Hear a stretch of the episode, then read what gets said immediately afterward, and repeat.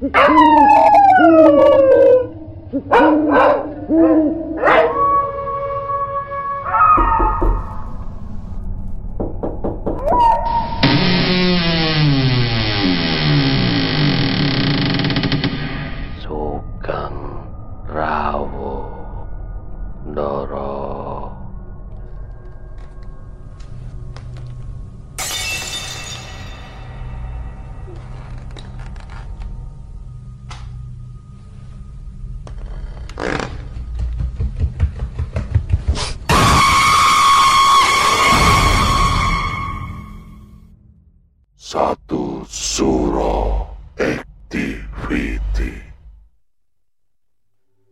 Assalamualaikum warahmatullahi wabarakatuh.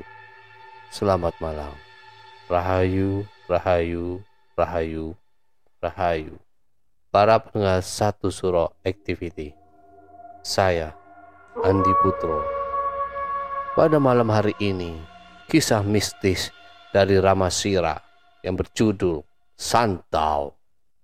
Bagian pertama Selamat mendengarkan Perkenalkan, aku Wiwit, nama samaranku. Aku bekerja di salah satu kantor pemerintah di desa kami. Desaku terletak di ujung salah satu pulau di Semenanjung Melayu, Provinsi Riau.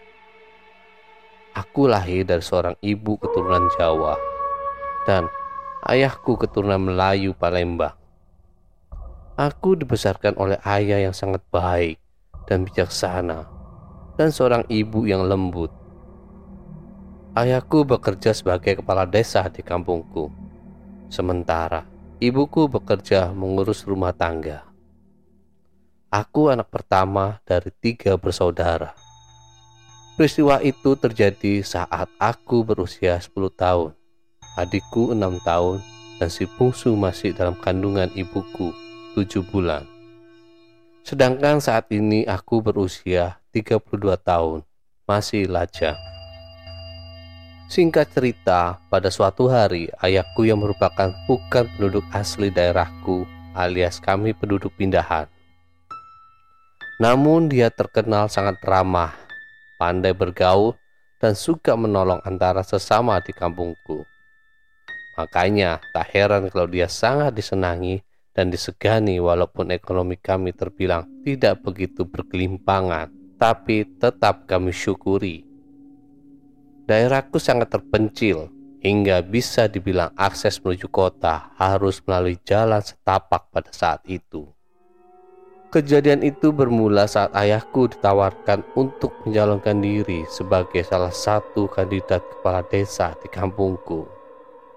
Oleh dikarenakan ayahku seorang yang memiliki pendidikan lumayan bagus, sementara kandidat lainnya hanya menang dari segi ekonomi. Mereka lebih kaya dari keluargaku. Ada seorang juragan karet dan seorang pengusaha. Jumlah kandidat keseluruhan ada tiga orang termasuk ayahku. Pada saat hari pemilihan tiba, kulihat ibuku sibuk merapikan baju ayah dan berbenah ini itu mempersiapkan apa yang perlu dipersiapkan. Yah, ikut, seru aku dan adikku. Kakak aja ya yang ikut, adik tinggal saja temani ibu di rumah, tutur ayahku. Kami pun berangkat dan tiba di tempat pemilihan. Tanpa disangka-sangka, ayahku memenangkan pemilihan tersebut. Walaupun penduduk desa kami tidak begitu ramai seperti di kota, tapi rata-rata mereka mempercayai ayahku untuk menjalankan amanah desa kami. Tapi tiba-tiba salah seorang istri kandidat tidak terima dan berkata, "Siapa yang mengusulkan dia untuk menjadi kandidatnya? Seharusnya warga setempat yang berhak, bukan penduduk pendatang." Teriak ibu sebut saja Ella. Disahut dengan salah satu warga yang merupakan pengurus masjid di kampung kami.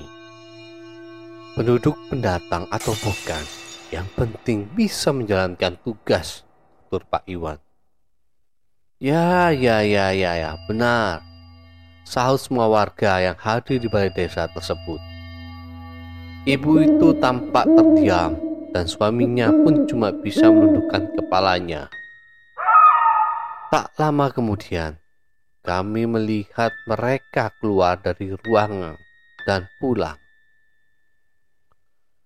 Tinggal kandidat satu lagi, Pak Agus. Beliau orangnya baik dan bersahaja. Istrinya pun lembut dan solehah kelihatannya. Aku yang cuma bisa duduk di belakang bersama adik angkat ibuku, yaitu Tante Nana. Setelah semua selesai, kami semua kembali ke rumah masing-masing. Mulai saat itu, ayahku dipercayakan menjadi kepala desa kampungku yang terpencil ini.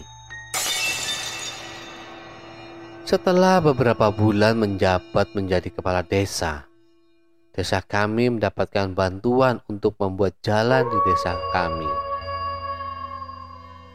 Penduduk desa bergegas bergotong royong untuk membersihkan kampung. Sementara para pekerja menyelesaikan proyek mereka.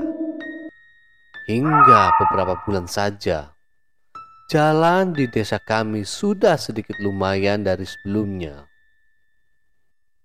Hingga setahun berlalu, para warga pun berinisiatif bahwasanya kalau ada pemilihan kepala desa lagi, ayahku yang akan tetap mereka pilih. Hingga sampailah ke telinga si mantan kandidat suami Bu Ella, sebut saja Pak Martin.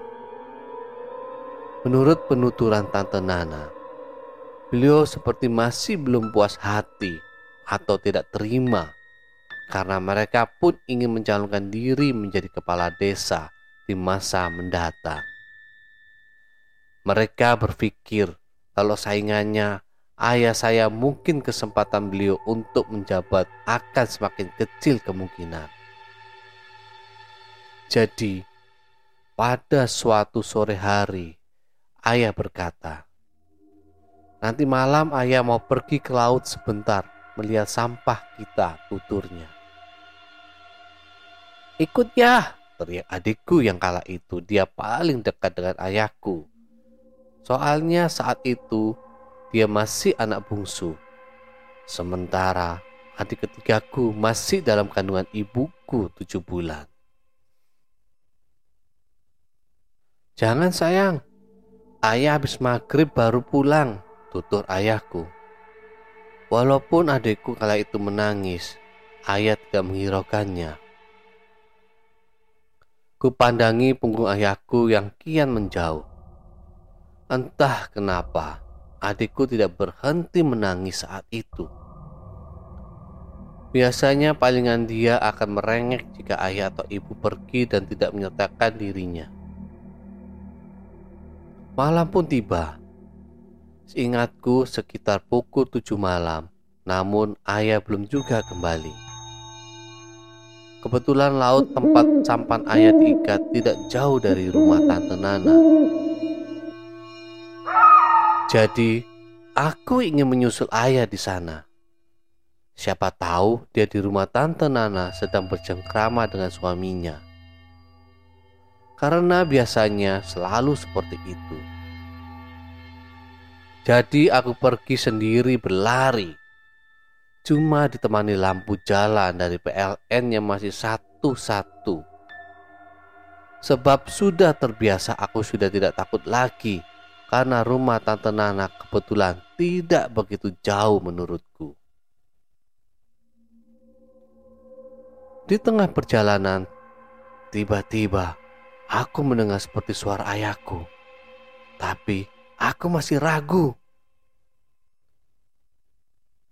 Setelah aku mendekati, ternyata ayah sedang berdiri di jalan kecil menuju laut, sedang bicara kepada seseorang. Melihat mereka sedang berbicara, aku enggan mendekati. Tapi aku hanya bisa tegak di sudut jalan sendiri dalam keadaan remang-rempang lampu jalan. Tiba-tiba, kulihat ayahku diseret. oleh orang itu yang tak lain adalah Pak Martin dan adiknya sebut saja Budi. Aku berlari niat mau mengejar mereka, tapi namanya anak kecil melihat orang dewasa bertengkar tubuhku gemetaran. Mau pulang takut, mau maju juga takut. Aku cuma bisa diam dan menangis. Kulihat adiknya Pak Martin mengayunkan sesuatu dan terkena di mata ayahku. Kalian tahu bagaimana perasaanku saat itu? Aku masih berusia 9 tahun dan mendekati 10 tahun melihat itu semua. Aku berlari pulang ke rumah. Aku bilang ke ibuku, "Ibu, ayah bertengkar." Tuturku sambil tak kuasa menahan air mata. "Bertengkar? Di mana dan sama siapa? Saut ibuku. Sambil sesenggukan aku berbicara sama Pak Martin dan Pak Budi, jelasku.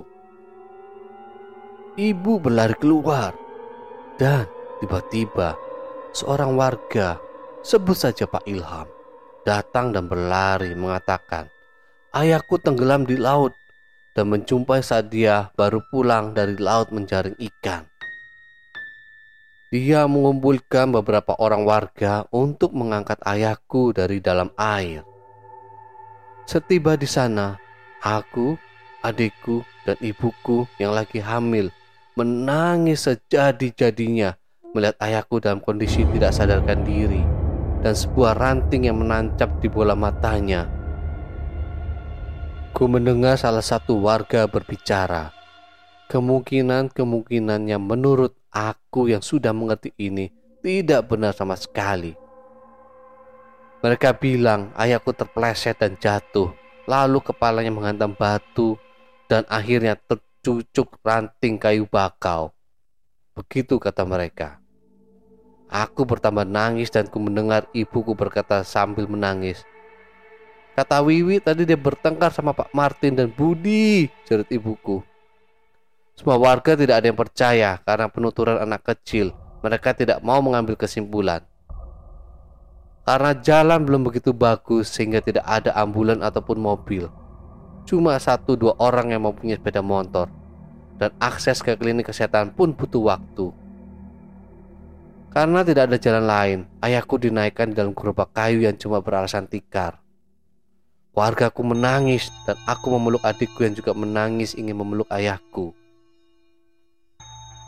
Setelah pulang dan ada beberapa warga yang ikut di kediamanku, kami mendengar kalau ayahku sudah meninggal dalam perjalanan ke rumah sakit.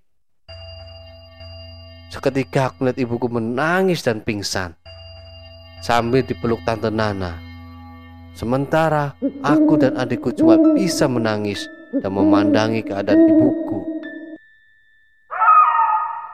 Setelah ayah dipulangkan dan dikebumikan, dan tidak mendapatkan keadilan karena tidak ada yang percaya kepadaku. Aku sangat mendendam sampai saat ini kepada keluarga Pak Martin dan adiknya. Ditambah lagi pada saat 10 hari pasca ayahku meninggal, ibuku keguguran dan melahirkan adikku yang prematur, yang saat ini, maaf, kurang sempurna. Sebab ibuku waktu hamil menangis siang dan malam saat ditinggal mati sang suaminya dan jiwa ibuku pun menjadi terganggu dan tidak stabil. Beruntung ayahku meninggalkan kebun yang sampai saat ini bisa membantu perekonomian keluargaku walaupun sangat pas-pasan dan terkadang tidak cukup. Sehingga mulai sejak aku tamat SMA, aku sudah memikirkan bagaimana cara membalas sakit hati ini kepada keluarga mereka. Hingga suatu ketika, aku menemukan jalannya lewat salah satu temanku yang merupakan suku asli. Para pendengar, itulah kisah dari Ramasira yang berjudul Santau. Bagaimanakah kisah selanjutnya? Ikuti minggu depan bagian kedua. Para sahabat satu suro activity, tinggalkan catatan doa kalian di kolom komentar, like, subscribe, dan bunyikan lonceng keramatnya. Para sahabat satu surah activity, tetaplah iling lan waspodo. Assalamualaikum warahmatullahi wabarakatuh. Salam, salam, salam. Rahayu, rahayu, rahayu. Sahabat.